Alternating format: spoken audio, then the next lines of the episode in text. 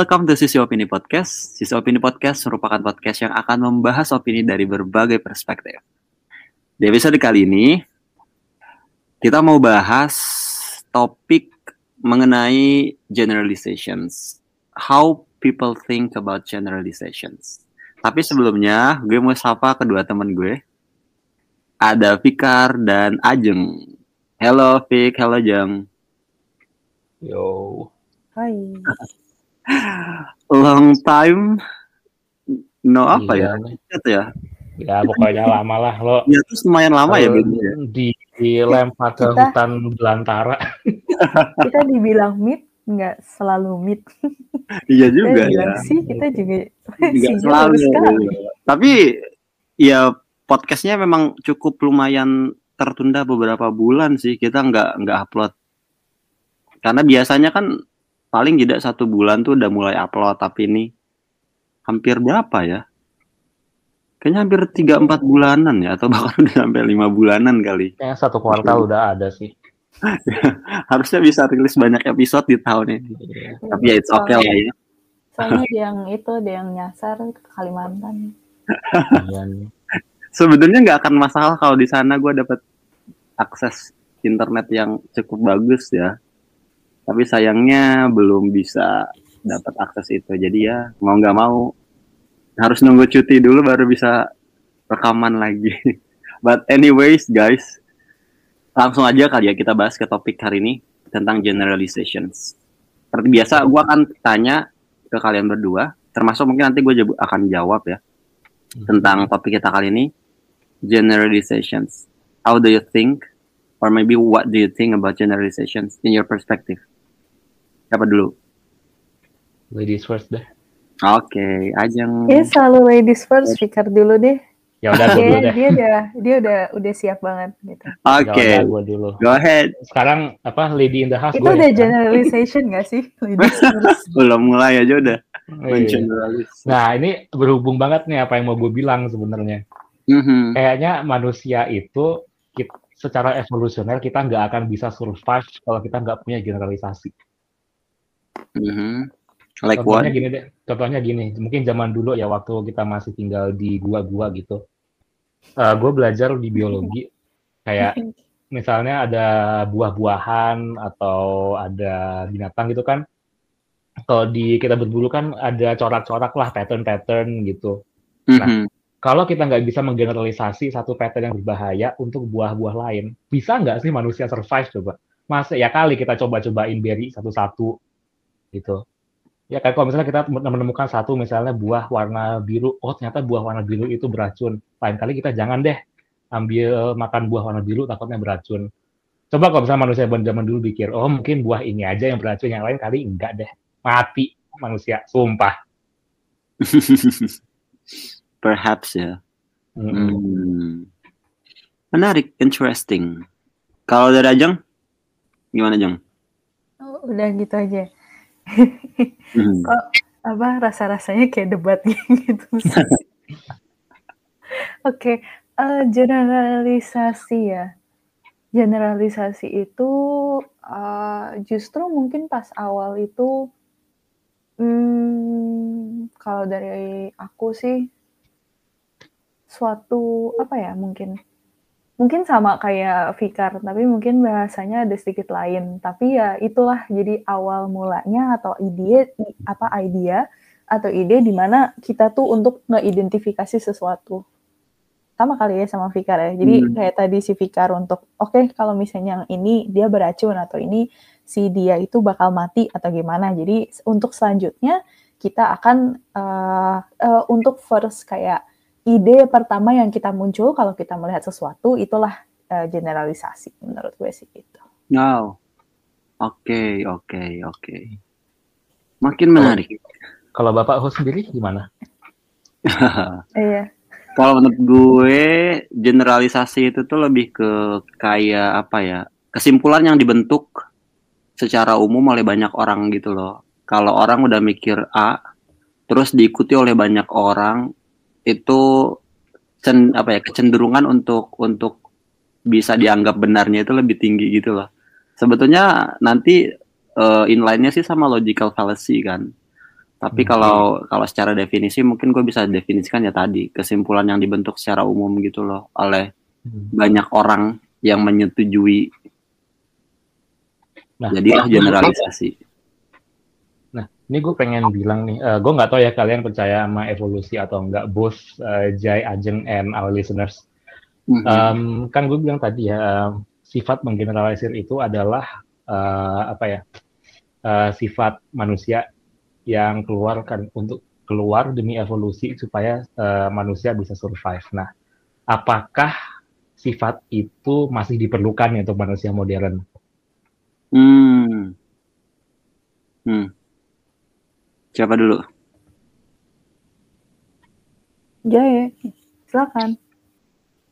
Menurut gue masih sangat diperlukan sih gitu loh. Karena untuk ngebentuk satu persepsi ya Mhm. di di apa ya terutama di di masyarakat umum itu pasti dibutuhkan generalisasi kayak lo mempercayai suatu hal atau suatu tren deh misalkan kayak gitu ya contoh contoh eh, contohnya ini deh gue kasih contoh konkret kayak di makanan atau di kuliner kan lagi Hmm. lagi nggak tahu ya gue ketinggalan atau enggak nih bilang kroffel ini lagi nge-hype nggak tahu Eh, sekarang masih ngomong-ngomong kroffel, gue lagi makan kroffel sekarang. Ih, mau dong. Enak sih. Tapi tadi gue gue juga bisa makan kroffel soalnya Hmm. I don't I don't really feel the hype, you know. Kalau kroffel itu. Hmm Kayak eh, entah kenapa gue lebih suka eh crois crois croissant croissant croissant. gue nggak tahu bacanya gimana iya iya Kroffel kan emang sebenarnya cuma croissant yang di press pakai waffle waffle, maker ya. kan. Mak. Mhm. right ya ya ya Oke, ngalur ngidul, ngalur ngidul. Oke, balik lagi ke Lanjut, kroffel ya. Gue bilang itu itu kayak salah satu contoh dari generalisasi orang lagi nge-hype dan nganggap itu tuh kayak satu bentuk eh, makanan yang lagi nge bukan mak ya makanan ringan kali ya, snack lah ya. Yang lagi ngehits terus akhirnya eh, banyak banyak orang yang juga pengen coba. Hmm. Terus banyak toko-toko yang mulai berjamuran mempromosikan eh, produk-produk barunya yang inline sama atau related ke kroffel Hmm. tadi.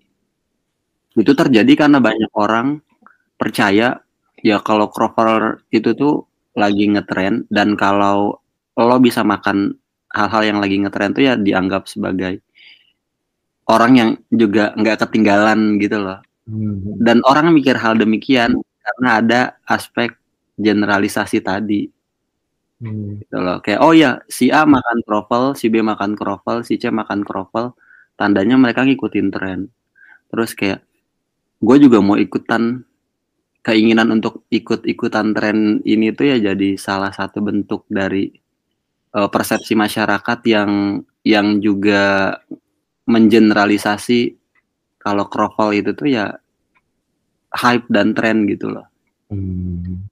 Oh, atau kasus lain yang yang secara sosial kali ya eh, masalah sosial yang terjadi baru-baru ini kayak misalkan polisi yang eh, masyarakat yang banyak. Oh, ini gue harus hati-hati sih ngomongnya. Ngeri cuy. Eh, Jai, mohon maaf nih kok kayak ada tukang nasi goreng di depan rumah gue. Eh gue belum mulai loh. Lo tahu lagi makan kroffel. kok ada nasi goreng? Tapi gue gak denger apa-apa sih kayak kayak si Jay yang dia suka bilang ada pesawat.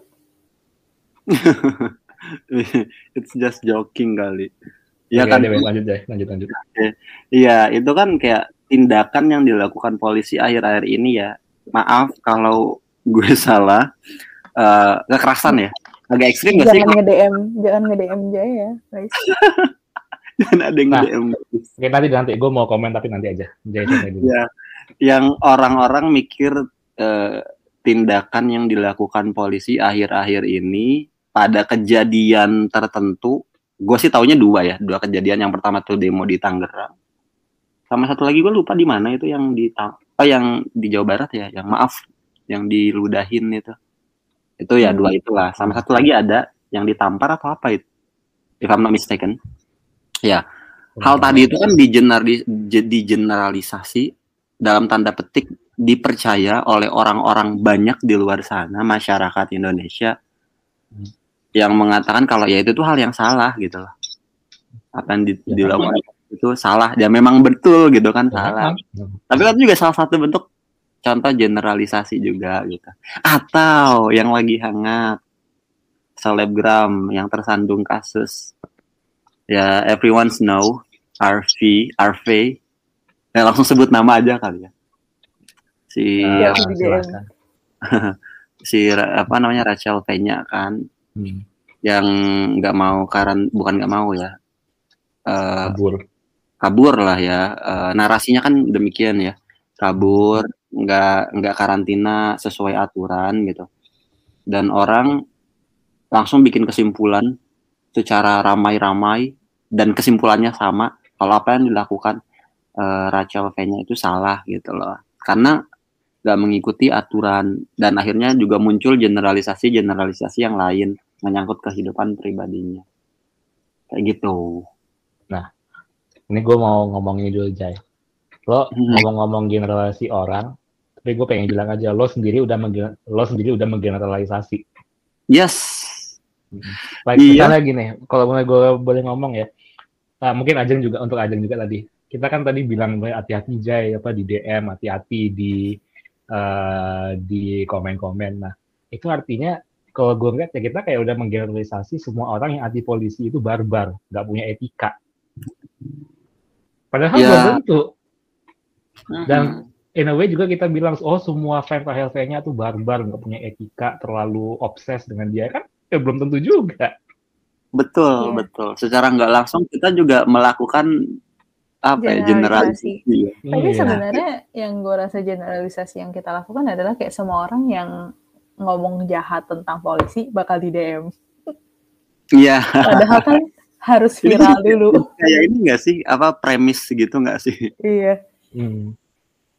Premis. kan viral dulu. Viral. Yes, yes, yes. Ya, the power of social media nggak sih?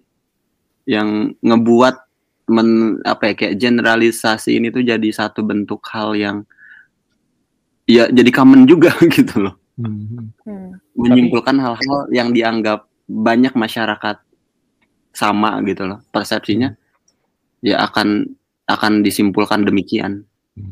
Tapi gue ini ya, kalau boleh ngomong dari segi manajemen ya, Mhm. gue udah pamer-pamer banget gue anak-anak S2 manajemen. Manajemen, silahkan. kan kita sempat dengar ya polisi itu nggak akan eh, bertindak kalau eh, kasusnya itu tidak meresahkan masyarakat masyarakat luas. Mhm. ya kan? Nah, dari segi manajemen itu make sense sebenarnya. Misalnya kita ada satu perusahaan, ada mungkin Ajeng agak relatable juga nih untuk Ajeng ya. Ada satu karyawan yang bandel banget. Dia itu ya gitulah apa datang ke kantor telat, terus eh, kerjanya nggak benar, mau dipecat lah akhirnya ya. Tapi posisi dia nggak begitu penting dalam suatu perusahaan. Kayak dia nggak nggak megang proyek yang penting, dia nggak eh, leading tim yang krusial, eh, role dia tuh easily replaceable. Nah, kita pecat dia, dia koar-koar. Itu nggak usah ditanggepin, ngapain kita kita wasting our resources ke satu orang yang bisa easily replace, easy- easily replaceable. Iya, Hmm. Hmm. Beda ceritanya kalau itu yang uh, ya, ya, wasting, Jeng? wasting, waste banget sih. Maksudnya kalau misalnya lo harus iniin semua hal. Kalau Hmm. dalam kalau dari sisi manajemen ya, tapi ya. Iya, mungkin kalau dari kita luaskan ke polisi ya gitu kali ya. Misalnya ada kasus pencurian gitu. Jadi kasus pencurian satu di satu kota, di mana ada kasus ada di kota itu ada ribuan kasus pencurian lain. Nah, resources polisi yang memang benar-benar limited, pastinya akan meng, eh, meng-divert resource mereka yang memang limited ke kasus yang paling meresahkan masyarakat itu, ya nggak sih? Mhm. Tapi kok gue rasa kayak kalau misalnya polisi dia jangan apa berpikirnya beda ya dengan kayak Hmm. manajemen pada umumnya. Soalnya kan kayak eh dia itu kan ya kalau misalnya dari perspektif gue dengan polisi adalah ya dia tuh yang memang menjaga menjaga keamanan gitu loh kayak ya kalau misalnya memang ada satu yang rasa nggak aman, jadi itu yang harus dia jaga juga gitu loh. Jadi Hmm. perspektif gue adalah ya that's that's your job meskipun itu misalnya akan apa kayak misalnya itu uh, misalnya ada beberapa kasus pencurian. Misalnya yang satu kasusnya pencurian satu miliar atau ini yang cuma sepuluh ribu gitu. Itu tuh nggak yang nggak bisa di nggak bi apa nggak bisa diperlakukan berbeda gitu loh. Hmm. kenapa harus diperlakukan berbeda? Gitu. Soalnya menurut gue itu itu kalau misalnya emang ada yang itu ya itu adalah bisnis. Sementara di sini polisi ya itu harusnya menjadi kayak dasarnya mereka dong untuk ini untuk apa untuk kayak ngejaga keamanan gitu Mhm. I see where you're coming from. Um, and yes, I completely agree with that. Cuma ya, again, uh, kepolisian bukan hanya di Indonesia, seluruh dunia itu kan tetap satu institusi ya. Ini kenapa kita ngomongin polisi dan generalisasi? Bingung gua. Nggak tahu, gue cerita Contoh yang yang lagi relevan itu enggak sih?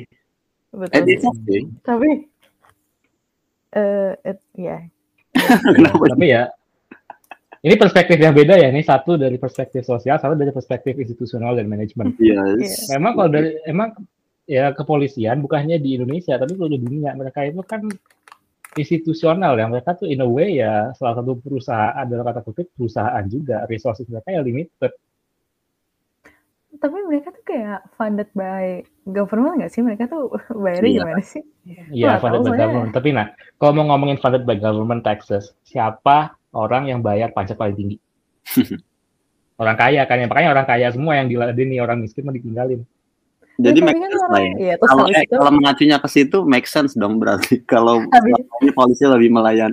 Eh, gue gak mau ngegeneralisasi deh, nggak jadi. Iya. tapi tapi Ya. generalisasi lagi kayak Iya. Orang kaya- lagi. orang kaya Tapi- mana sih yang selalu taat bayar pajak ya itu Nah, generalisasi Iya, banget iya. cuy Hmm. Atau kayak kayaknya ya nggak semua polisi juga tetap- selalu membela nyambung juga ya iya tetap juga ya nggak bisa gue nggak bisa gitu nanti gue nggak bisa cari sugar daddy. Iya iya. Berarti ya emang banyak hal yang nggak bisa kita lepaskan dari hal-hal mengeneralisasi ini ya. Iya. Iya. Sih? sebenarnya gue mau jawab tadi pertanyaan Fikar yang kayak sebenarnya generalisasi itu perlu nggak sih di era modern sekarang kan tadi gue belum jawab ya Iya iya iya. Hmm. gue menemukan ininya tling gitu masuk ke eh, jadi itu tuh tetap masih perlu tapi eh, jangan itu menjadi satu-satunya ide kita menghadapi suatu situasi jadi itu Hmm. bisa maksudnya itu emang masih kita perlu masih kita bisa punya asumsi ibaratkan kalau misalnya dulu gue belajar kayak di psikologi kayak kita untuk ngediagnosa orang itu tuh nggak bisa yang satu begitu kita udah checklist beberapa hal, misalnya ini ada, kalau misalnya dia checklist di sini, checklist di sini, maka dia gangguannya A atau gangguannya B. Nah, itu kita generalisasi bisa kita lakukan, tapi kita nggak bisa memutuskan gitu loh. Kita bisa Hmm. asumsi, tapi itu bukan menjadi kebenaran kayak gitu. Oh, I see. Oh, Hmm. jadi mungkin perbedaan zaman zaman zaman sekarang gini ya. Kalau zaman dulu itu generalisasi kita pakai untuk eh, mengambil keputusan. Sementara zaman sekarang generalisasi kita pakai untuk membantu mengambil keputusan, Mengambil tapi bukan Hmm. untuk mengambil keputusan. Oke, ya, ya. Mm-mm. Smart. Soalnya ini kan sih, maksudnya kayak eh waktu waktu itu gue kayak gue pernah pernah apa ya? Pernah juga kok terbantu sama eh, polisi meskipun akhirnya yang ngebantu juga bukan polisi. Jadi Gimana apa nih? sih? Balik lagi. Balik. Gimana nih Jen? Jadi maksudnya kalau misalnya di diibaratkan sekarang ya, em, eh, waktu itu pas gue kayak SD, nyokap gue itu dompetnya ketinggalan dan akhirnya polisi itu eh, kita akhirnya ke kantor polisi ke kayak ke polsek gitu dan dia maksudnya oh ya ngasih tahu caranya seperti ini caranya seperti ini tapi nggak tahu itu mungkin karena udah beberapa tahun yang lalu udah 10 tahun lebih kali ya eh enggak kayak nggak tahu deh nah eh, dan di situ akhirnya nemuin kalau ternyata dompet nyokap gue itu ada yang eh, eh, jatuh dari tas dan ada yang mungut dan yang mungut maksudnya ngasih tahu ini saya ngambil dari sini dan lain-lain itu Hmm. bisa terlacak sama polisinya gitu jadi ya di satu Hmm. sisi da, apa satu sisi juga gue ngerasa oh ya ini dong ya jadi kayak apa apa kita memang eh, ke eh, polisi gitu. Dan juga uh, sempat sih kayak beberapa kali karena uh, apa satu hal satu dan lain hal. Waktu itu di kantor gue kan dekat sama ini ya dekat sama apa sih apa Arab gitu ya. Apa Arab sih uh, apa kedutaan kedubes. Yeah, kedubes Arab kedubes. Saudi uh, nah terus habis itu pas lagi jalan tiba-tiba tuh banyak banget polisi di sana gitu. Terus kita tuh yang kayak mereka tuh kayak di situ dari pagi sampai sore juga kayak masih ada dan itu tuh kayak di tempatnya tuh di di depan dan di depan itu kan langsung deng, langsung ke jalan raya dan hmm. mereka itu maksudnya uh, kayak bawa kursi sendiri dan lain-lain gitu dan kayak diterik panas yang di mana gue kayak uh, pergi lewat situ, ih kok banyak polisi terus uh, istirahat siang juga lewat situ, balik ke kantor juga lewat situ. Itu tuh yang namanya dan apa iseng kan kan gue uh, suka kepo kan. Jadi kayak pak ngapain sih pak di sini? Gitu. Emang ada apa? So gue nggak pernah ngeliat polisi sebegitu banyaknya.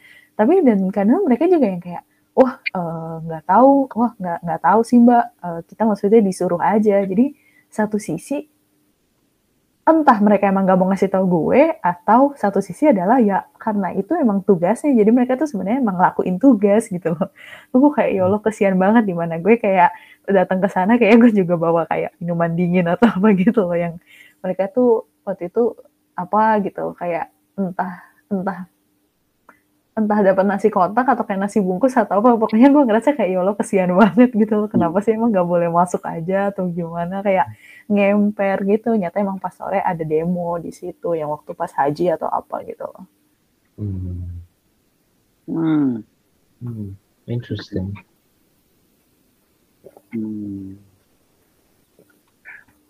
dan ini satu hal yang yang waktu itu gara-gara satpamnya eh satpam bajunya seragamnya jadi kayak polisi jadi yang warna coklat itu. Coklat, uh, gue inget banget tuh uh, gue ke kantor naik gojek dan itu pas baru-baru mereka transisi dan hmm. gojek itu tuh ngeliat ada si satpam pakai baju polisi itu tuh gue entah kenapa bisa langsung ngerasa kepanikannya dia gitu loh. Hmm gue nggak tahu okay. kenapa dia panik. Gue juga nggak tahu kenapa dia ini kan pokoknya terus uh, gue bilang ah, apa pak itu satpamnya kok pak? Gitu. Jadi itu bener-bener udah bener-bener panik gitu. Loh jadi sebenarnya ada juga gitu loh dampak dan ini yang bisa dirasakan uh, orang dengan inian polisi. Hmm. gitu. Itu artinya si drivernya agak menggeneralisir negatif lah ya atau iya. Mungkin gue bilang bukan polisi tapi seragam itulah seragam coklat iya, itu. seragam itu. Hmm. tapi memang susah membedakan seragam itu ya. Jadi mirip iya. banget. Sekarang di ya? pasar juga, gue kira kayak ada siapa gitu, ternyata emang satpamnya pasar. iya. Jadi makin mirip mereka. Seragamnya maksudnya. Tapi kalian setuju nggak sih kalau sebetulnya generalisasi ini tuh kayak semacam kita tuh melabel melabeli satu hal tertentu yang diyakini kebenarannya oleh banyak orang, padahal hmm. hal tersebut itu tuh belum tentu benar gitu loh. Oh ya, setuju. Ya boleh jadi tuh itu cuma opini aja gitu. Yang yang tergeneralisasi dan akhirnya dianggap benar, bukan satu bentuk fakta. Setuju. Gue ada satu contoh nih Jay yang kayak gitu dan sempat viral juga di Twitter. Oke, okay. apa itu? Semua anak broken home tuh pasti nggak nggak jelas. Oh. I have read tapi itu itu bukannya ada ada ininya ya kejelasannya ya. Gue inget gue baca, pokoknya dia bilang pokoknya antara dia nggak jelas atau satu lagi tuh ada gitu loh. Iya antara dia nggak jelas atau uh, sangat-sangat sukses. Ah, Kayak iya. no in between gitu loh. Iya iya iya. Kayak nggak ada yang mendang mendingnya. Hmm. Tapi Kayak... gue nggak tahu ya apakah oh. ini bisa dicap yang definisi lo Jai yang apa uh, karena satu karena fakta karena fakta ini sudah digeneralisir semua orang setuju. Soalnya kan kalau kita lihat reply tweet itu orang pada ngehujat justru. Artinya hmm. orang nggak setuju. Iya, iya, iya, iya. Gue lihat reply-nya juga gitu sih. Banyak yang nggak setuju. Terutama orang-orang yang yang sudah merasakan atau ya experience that broken home thing ya. Hmm. Tapi cuma in a way gue malah agak ada one thing yang gue setuju sama posternya itu sebagai anak yang pernah merasakan broken home ya, mm-hmm. memang betul anak broken home itu, gue nggak mungkin ini bagian- oke ini generalisir ini pasti generalisir kayak uh, bell curve norma kalian tahu kan bell curve norma ya yang di mana biasanya da- dalam dua ekstrim paling banyak itu di tengah Mhm. Mhm. kalau anak broken home menurut gue kayak enggak Distribusi normal distribusinya kan maksudnya. distribusinya tuh enggak bukan normal tapi flat Yes. kayak yang yang hancur banget banyak yang sukses banget banyak tapi yang biasanya juga banyak kayak nggak ada no in between Hmm. gitu loh sama Hmm. semua Ibaratnya porsinya ya ada gitu loh semuanya. Mm-mm. Ya, kan ya, kalau ya. misalnya orang biasa kan yang bukan broken home nah ini generalisasi juga nih biasanya kan Hmm. orang yang menurut gue ya yang biasa nggak punya broken home kan ya pasti distribusi normalnya normal ya kebanyakan normal yang talented talented banget yang talented banget ya nggak sebanyak orang yang biasa dan yang bandel banget nggak sebanyak orang yang biasa juga Mhm. Tapi Mbak. one thing yang gua notice ya dari tweetnya itu, dia mencoba eh, mengeneralisasi opini dia sendiri gitu loh. Kalau misalkan ya anak broken home tuh apa sih yang di tweetnya dia itu bilang ya hancur lah ya. malah malas gue ngeliat-ngeliatnya Ya itulah ya. I mean kayak dia eh, sampai nge-share itu nggak cuma di Instagram dan dia bahkan nge-screen capture itu kan dan dijadikan satu bentuk tweet eh, di Twitter gitu yang akhirnya banyak dikecam oleh banyak orang juga yang nggak setuju sama eh, sama hal-hal yang mau dia generalisasi tentang ya anak-anak broken home tadi gitu loh. Hmm. And it's okay ketika dia udah punya opini demikian tanpa langsung ngambil kesimpulan sih. Karena tweetnya menurut gue lebih cenderung ngasih kesimpulan untuk Hmm. mengeneralisasi tadi. Iya, tapi itu seingat gue tuh karena mungkin mungkin dia punya punya kayak pengalaman yang nggak mengenakan dan kalau misalnya dia telusurin itu memang terjadi misalnya kepada orang-orang orang-orang yang broken home makanya mungkin menurut gue dia bisa uh, menarik kesimpulan seperti itu. Tapi yang sekarang jadi ini kan adalah entah uh, hayalak ramai itu tuh. Hmm, nggak ngerasa nggak perlu ada generalisasi makanya dia banyak dihujat. Soalnya ya kan nggak semua orang kayak gitu atau ya kan nggak semua yang broken home seperti itu. Tetapi di satu sisi adalah itu kan maksudnya opininya dia gitu loh. Kenapa dia seakan-akan kalau misalnya dia beropini kayak dia itu kesimpulannya yang dia ambil. Soalnya seingat gue itu artinya gue nggak mau lagi gue udah enough seingat gue ya kesimpulan dia adalah gue udah enough eh, pacaran mau atau berhubungan punya ya. pasangan atau Hmm. berhubungan sama eh, anak-anak yang emang Broken home. broken home Mm-mm. kan gitu. Jadi kan itu Hmm. sebenarnya ya dia itu memang punya punya pengalaman dan itulah sisi dari dia. Yang gue nggak tahu, Hmm. yang gue itu eh, masih bingung adalah kenapa eh, itu adalah tweet yang misalnya jadi sekarang jadi viral. Apakah karena orang-orang tuh ngerasa ya itu adalah the truth gitu loh. Jadi secara tidak langsung mereka tuh bilang itu lo generalisasi, tapi mereka yang sebenarnya sendiri mengeneralisasi itu gitu loh. Menganggap Hmm, itu tuh ke- eh, suatu kebenaran jadinya gitu. Iya. Tadi yang gue bilang ya generalisasi eh, yang berupa opini tapi dijadikan fakta gitu loh. Hmm. banyak Hmm. orang gitu. Tapi yang jadi misleadingnya adalah menurut gue ya, andaikan dia membawa eh, persepsi lain atau opini lain gitu loh, nggak cuma satu opini tentang broken home. Kayak misalkan ya kita tahu dia experience eh, sama anak brok sama orang broken home lah ya, pasangan kan ya berarti udah gede Hmm. bukan anak. Ya experience-nya demikian gitu loh, pengalamannya buruk. Hmm. Makanya dia punya kesimpulan tapi dari opini kesimpulan dari opini tentang eh, anak broken home tuh eh, lu jan- jangan mau pacaran sama anak broken home karena itu nanti dampaknya adalah kalau sendiri gitu loh, jadi berantakan dan sebagainya gitu. Andai kata dia ngasih excuse juga atau ngasih pengecualian ya, tapi nggak semua anak broken home demikian karena ada juga anak broken home ternyata nggak demikian, bla bla bla bla bla bla gitu. Mungkin mungkin ya halayak ramai di Twitter nggak akan tersulut sama eh, opini yang cuma eh, ngasih atau ngebuka di satu perspektif aja tentang anak broken home. Dan kebetulan yang dia buka adalah eh, opini yang memang negatif. Dan itu sangat-sangat eh, memicu ketubiran di Twitter kan. Hal-hal yang negatif itu pasti kayak kenceng banget tuh kesambernya gitu kan. Tapi ngomong-ngomong, tapi ngomong-ngomong itu fanpage yang ngebuat itu viral emang the peak example of generalisasi nggak sih?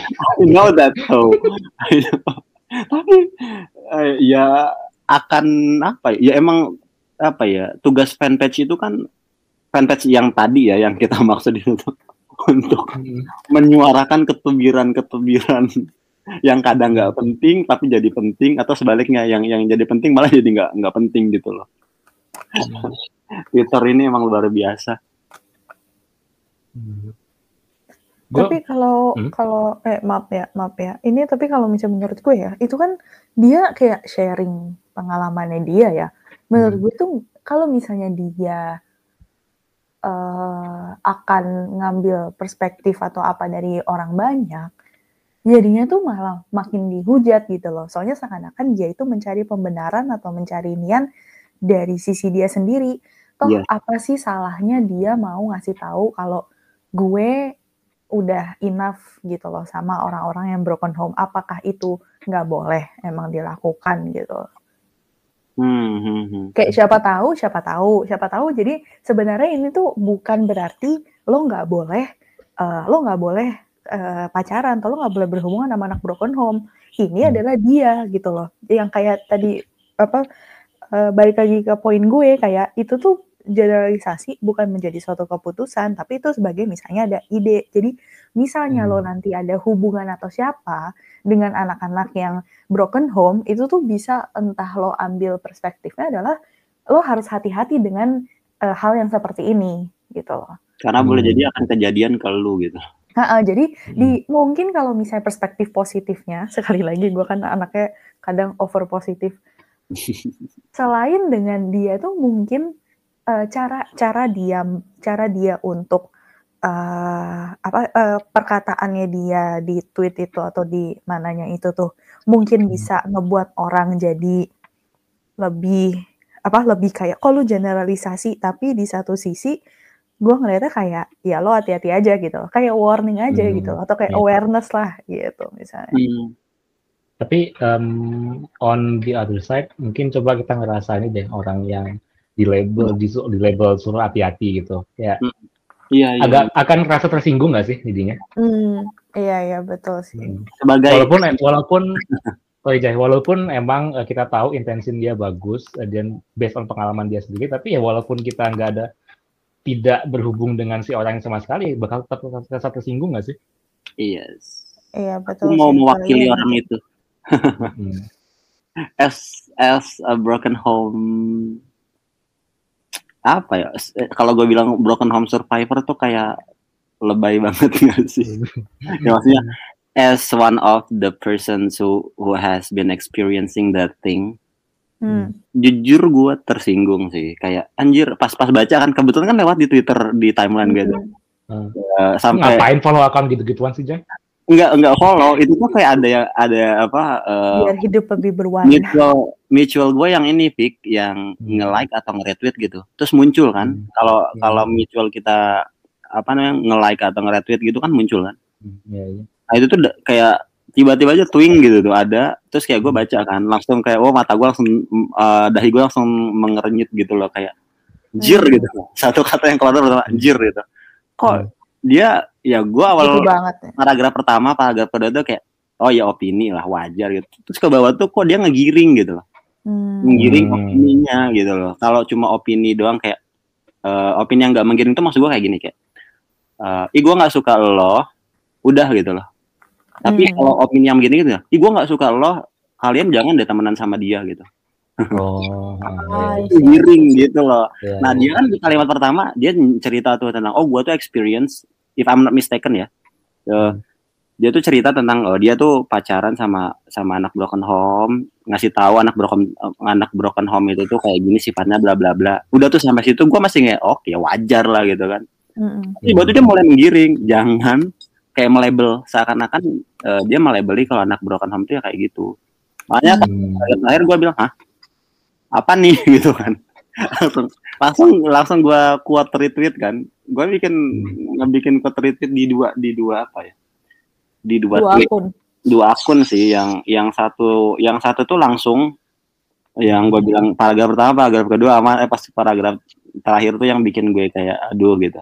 Terus di satu lagi yang nge-retweet gue tuh yang anak broken home juga tapi bisa sukses jadi CEO bla bla bla gitu. Terus kayak wah ini, ini yang kayak gini juga ada. Kalau dia muncul kan berarti perspektifnya imbang gitu lah. Mm-mm. Ah, tergeneral, tergeneralisasi sama opini yang gua anggap menggiring tadi ya tentang anak broken home yang negatif ya cenderung negatif gitu. Padahal kan Iya, ternyata iya. ada kayak gitu. Jadi ya jelas tersinggung sih gitu. Karena dia mencoba menggiring. Artinya kalau menggiring kan dia pengen nggak tahu ya. Tapi gue yakin intentionnya sih nggak ada buat kayak menyudutkan anak broken home. Tapi secara langsung tweet tadi itu membuat Ada itu ya. broken home ngerasa tersinggung. Entah ya atau Oh wow. enggak. Oke. Gua- gue jadi pengen ini deh eh, komen pengen menjawab pertanyaan gue sendiri tadi apa apakah eh, generalisasi masih diperlukan di zaman modern? Iya sih. Menurut gue justru 50-50 di dunia Oh, nyata perlu banget apalagi kalau misalnya di dunia nyata perlu banget dan masih masih berhubung dengan survival ya jadi kalau misalnya kita ngelihat mau jalan malam-malam ngelihat jalan sepi kan kita pasti menggeneralisasikan ya jalan sepi pasti bahaya artinya kan buat survival kita sendiri itu so that makes Hmm. sense tapi di Mhm. sosial media di internet mending jangan deh Oh, kayak mending Gimana? jangan generalisasi. Gue kira kalau di menurut sosial media, mending lo jangan lewat jalan itu. Nggak, iya, kalau, iya makanya kalau do, lo in real life, generalisasi will save you. But if you're in social media, generalisasi will definitely kill you. Hmm, iya iya iya iya yes yes yes Kayaknya bedain dengan itu, soalnya sekarang di masa sekarang itu ada sosial media nggak sih? Media Hmm. sosial, medsos medsos. Ya, ini Eh kayak tapi topik gue juga mau mau mungkin eh, minta maaf juga mungkin karena eh, apa ya bersyukur gue mus eh, setidaknya eh, bukan yang punya experience dengan broken home sendiri ya. Maksudnya kayak ya Hmm. teman-teman gue mungkin ada beberapa atau apa. Jadi eh, mungkin tadi apa ya opini gue mungkin juga ngerasanya adalah dari diri gue gitu loh. Jadi gue emang nggak nge gue nggak nge- apa gue nggak pernah merasakan di situ. Dan gue mungkin di situ baru baru paham gitu. Oh iya benar juga ya. Jadi siapa tahu mereka yang mungkin udah ngerasa ah, kayaknya ada something wrong with me malah ngelihat seperti itu yang kita tadi lo bilang jadi jadinya Hmm. malah justru tersinggung. Gitu sih. Iya sih benar. Mhm. harusnya gue lebih inian lagi. It's okay. Ya, it's sorry guys. okay. It's okay. I mean ya udah gitu. Eh, pada Tapi benar sih. akhirnya emang emang apa ya? Ya nggak masalah sih untuk menyuarakan apa pun yang mereka pengen as long as di, disuarakan dengan hal yang yang bijak juga ya I mean Hmm. eh, kalau misalkan ada orang yang yang punya opini demikian terus di di counter lagi sama opini yang juga dari pengalaman ya bisa dibilang sama lah gitu lah ya harus bisa sama-sama saling menerima sih pada akhirnya gitu Tuh, tuh. gue kayak pernah nge-save TikTok lucu gitu. Nanti gue share ke kalian deh di grup. Itu kayak asik. Dia ada main TikTok sekarang. Oh Pergoy, pergoy. Sumpah gue sejak ngosiin Cina aku kayak jadi main TikTok. Tapi gara-gara si si gue ngomong generalis takutnya jadi ngegeneralisir juga. Tapi TikTok tuh kadang jadi jadi racun juga nih. Karena jadi bikin betah bertahan buat scrolling scrolling scrolling scrolling Gue gue bisa confidently say Jai itu bukan generalisir tapi itu fakta. Karena Iya, memang iya. sistemnya didesain seperti itu. Dari dari software dari software memang didesain seperti itu, Jai. Itu bukan generalisir bahwa TikTok itu bikin candu. Emang benar, emang didesain seperti itu. Hmm, gue jadi ada pertanyaan muncul nih tentang fakta dan generalisasi.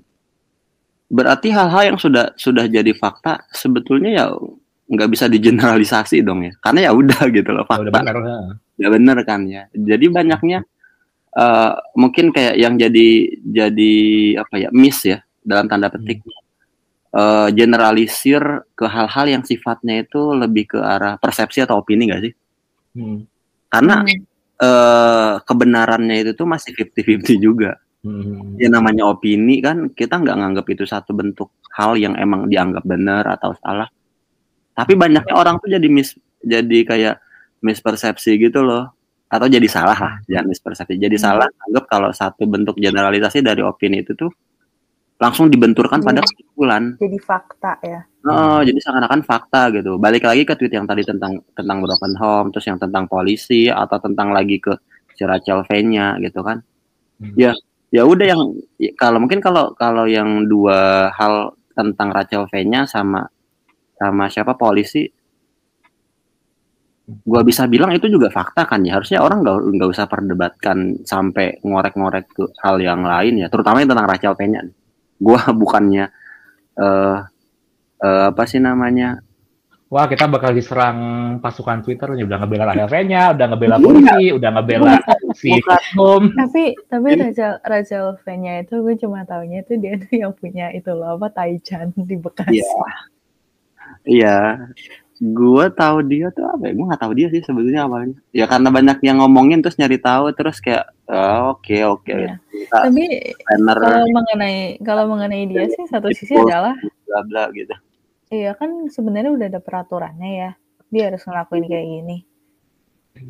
Iya itu Kalau memang ada peraturannya, Beda. terus dia nggak ngelakuin, ya udah gitu loh. Mm-mm.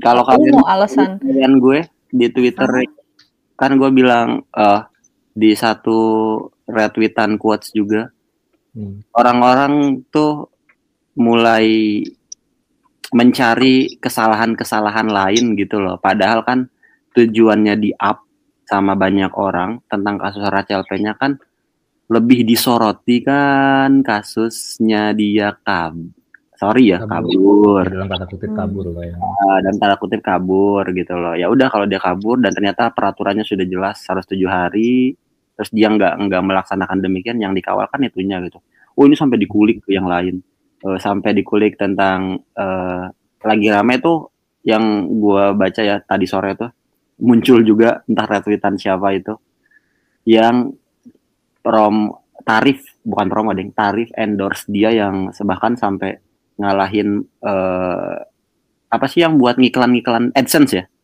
Hmm. Nah, Nggak tahu deh. Ah, yang buat nge-AdSense gitu katanya eh, mending lo AdSense daripada nge-endorse di maaf ya di selebgram kayak Rachel V-nya gitu. Karena tarifnya tuh nggak make sense katanya gitu. Hmm. Ngomong-ngomong dia masih trending topik nomor satu loh. Again. Wow. Iya. Engagementnya bagus dong. Eh maaf, tanda engagement. Eh enggak bener loh, emang bener. Dia kayak dapat sebenarnya free sebenarnya ini kayak siasat siasat dari manajemennya gitu. Iya. Canda manajemen. Iya, I mean kayak ya ya balik lagi ke yang tadi ya, kayak ya dikulik terus kayak bawa-bawa anaknya lah, bawa-bawa personal life-nya lah. Kan kayak anjir ini orang-orang pada kenapa gitu loh. Seakan-akan menjadikan momentum ini tuh buat tambah ngehead si si Rachel V-nya gitu. Padahal kan harusnya ya udah fokus ke kawal kasusnya. Oh udah udah beneran ditanganin belum sih? Oh dia udah beneran dapat sanksi atau beneran sudah diproses atau belum sih? Tanpa harus mencari kesalahan-kesalahannya yang lain gitu. Terus kalau yang polisi, nah gue nggak tahu ya karena gue juga nggak begitu paham tentang hukum. Apakah memang yang dilakukan polisi dalam dalam situasi ya? Gue bilang kan itu kan situasi demo ya, yang Ya. yang maaf yang sampai dibanting. Hmm. Bener gak sih dibanting? Dulu sih dibanting beneran ya, sampai ke Ya, jam pokoknya kita eh, bilang seperti itu aja lah. ya eh, yang kayak gitulah ya itu apakah dibenarkan maksudnya kayak dibenarkan tuh jadi gue masih 50-50 yang ngomong karena gue nggak tahu mungkin nanti listener yang tahu bisa correct me if I'm wrong Mungkin lebih baik lebih baik adalah ini kan sisi opini ya bukan sisi fakta. Jadi yang kita omongin di sini adalah opini, Opini gitu. kita Jadi sendiri. Mm-mm. ya eh, fakta fakta itu boleh digeneralisasi tapi Yes. jangan men, eh, eh fakta itu eh gimana tadi fakta itu boleh digeneralisasikan tapi jangan jadikan generalisasi sebagai fakta asik. Asik. ya, ya itu quotes itu quotes ini ya, quotes episode eh, ini ya. episode kali ini Asik gue Hmm. berkontribusi. ya gitulah intinya ya gitu Hmm, betul. Nah, eh, ngomong-ngomong sosial media nih ya, gue juga pengen bilang nih kan tadi Jay, lo kan dapat si apa uh, generalisasi tentang broken home ini dari salah satu orang yang lo follow ya, padahal lo nggak follow si akun posternya ini. Enggak, nggak follow. Nah, Bahkan gue nggak tahu. Ya tiba kan apakah apakah possible possible nggak sih kita itu lepas dari racun generalisasi sebenarnya? Oh jelas, possible menurut gue. Menurut gue bisa lah. Soalnya sih? timeline gue pun, uh, gue boleh lanjut nggak? Timeline hmm. gue pun apa ya? Gue tuh, lo coba lihat deh aktivitas gue di Twitter, sangat sekali nggak aktif samsek kan? Iya, gue jarang lihat lo, kalau nggak like lo jarang ya paling kalau gue retweet atau like kan paling ya hal jaketian-jaketian kan. Ya, yeah, things lah. Nah, sementara orang-orang yang gue follow itu ya gitu dia apa selalu nge-retweet Rahel Fenya lah atau apa maki-maki semua polisi bangsat lah. Kayak wow. apa ya gue kayak apakah bisa maksud gue apakah bisa kita lepas dan generalisasi itu? Yaitu walaupun kita sendiri tidak tidak menggeneralisir karena orang lain generalisir kita malah ngerasa ini kenapa orang tipenya kayak gini sih? Jadi gue malah jadi menggeneralisir bahwa semua orang yang tipe kayak si teman gue yang gue follow itu ya kayak gitu semua. Hmm. gara-gara orang menggeneralisir satu hal gue jadi menggeneralisir dia. Hmm. kayak yang tadi Ajang bilang nggak sih tentang kategorisasi akhirnya dari dari mengeneralisir akhirnya muncul kategori-kategori yang lain. Hmm. Bener nggak? Ya jadi kayak gini mungkin kalau misalnya gue perjelas uh, kata-kata gue tadi ya gara-gara teman gue ini suka banget uh, nge-retweet apa hashtag ACAP lah terus apa uh, suka maki-maki Rahel V-nya lah. Gue kayak keras jadi merasa menggeneralisir semua orang yang nge-tweet kayak gini itu pasti ya mohon maaf nih teman gue ya dalam kata kutip opini gue nggak punya otak jadinya. Hanya ngikut aja gitu nggak punya opini dia sendiri. Ah, Hmm.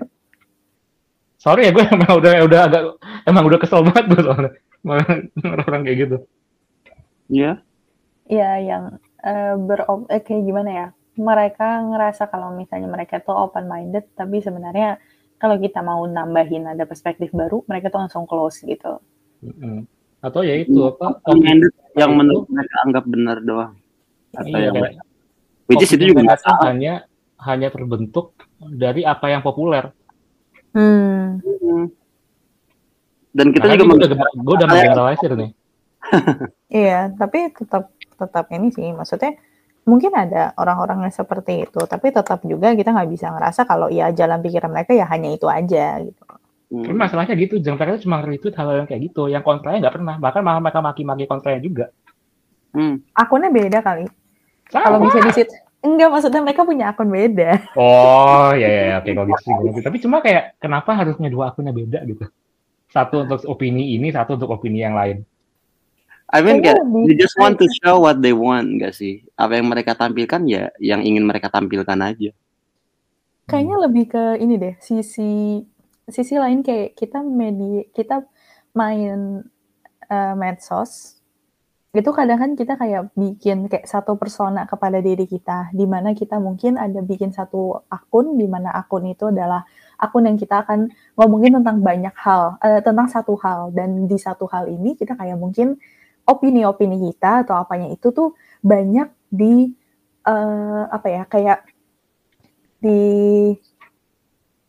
apa sih uh, istilahnya kayak di vote up gitu loh. Kayak orang-orang tuh banyak mendukung opini kita bisa dilihat dari likes-nya, bisa dilihat dari ininya. Begitu mungkin dia ngerasa, gue mau coba dengan topik lain, sementara orang-orang yang mungkin uh, ngefollow dia atau memperhatikan dia adalah senang kalau misalnya dia itu ngasih tahu tentang opini yang ini, gitu loh. Baik Makanya dia tuh, ya engagementnya selalu di situ iya. aja. Begitu dia tempat yang lain, takutnya orang-orang yang tadi ngedukung dia karena apa sih uh, karena a, a, sesuatu ini bakal jadi nggak ngedukung dia lagi karena lo kok lu merembet ke mana-mana? gitu loh. Jadi dia kayak seneng dengan orang tuh ngedukung opini dia dengan memberikan like atau apa gitu loh. Jadi dia ngerasa meskipun misalnya ada pun atau nggak ada atau misalnya sedikit ataupun banyak biasanya orang kan bakal cenderungnya uh, cari pengakuan dari orang lain.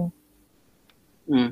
gitu loh. Hmm. jadi begitu dia ngerasa ah ya gue nggak bisa dong ngomongin ini di sini. Soalnya ya banyakkan orang-orang atau banyakkan inian gue adalah uh, apa ya mereka ngedukung gue tentang hal ini. Beda halnya dengan misalnya gue menggunakan Twitter. Gue apa aja di retweet? Kadang gue nge like apa? Kadang gue retweet apa? Arashi lah badminton lah orang ngalor ngidul apalah gitu. Yang menurut gue itu asik ya udah gue mau like like aja apa kalau dari sisi gue adalah ya terserah lu nge-follow gue ya lu harus eh, inian gitu loh soalnya ya gue hidup bukan bukan bukan buat lu gitu twitter twitter hmm. gue gitu kan. Ya ya ya tapi Vi kalau lu udah mulai muak lu bisa memanfaatkan uh, kalau nggak salah fitur mute itu bisa kan? Mute time apa sih? Mute retweet sama mute like.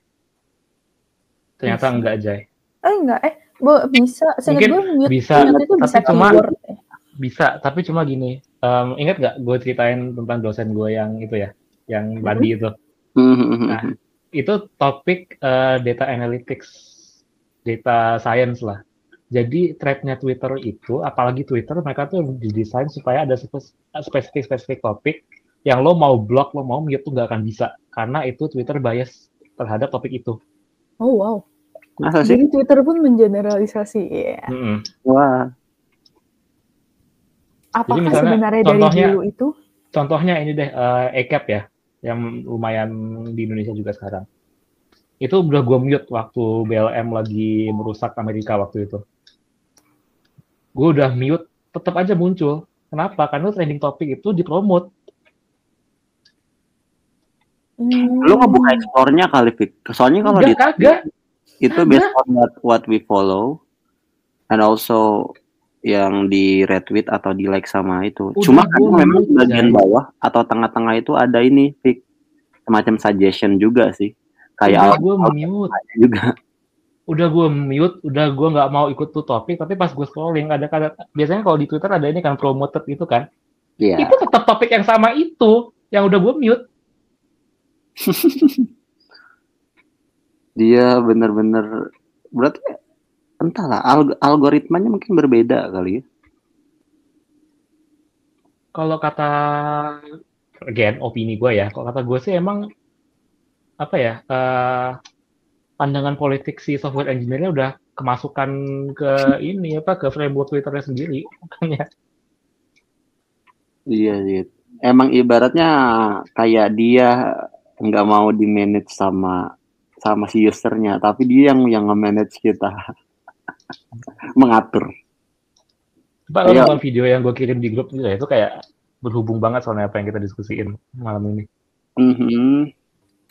Yeah. Di mana sosial media itu memang benar-benar apa ya, um, sangat mengencourage generalisasi dan further divide people gitu.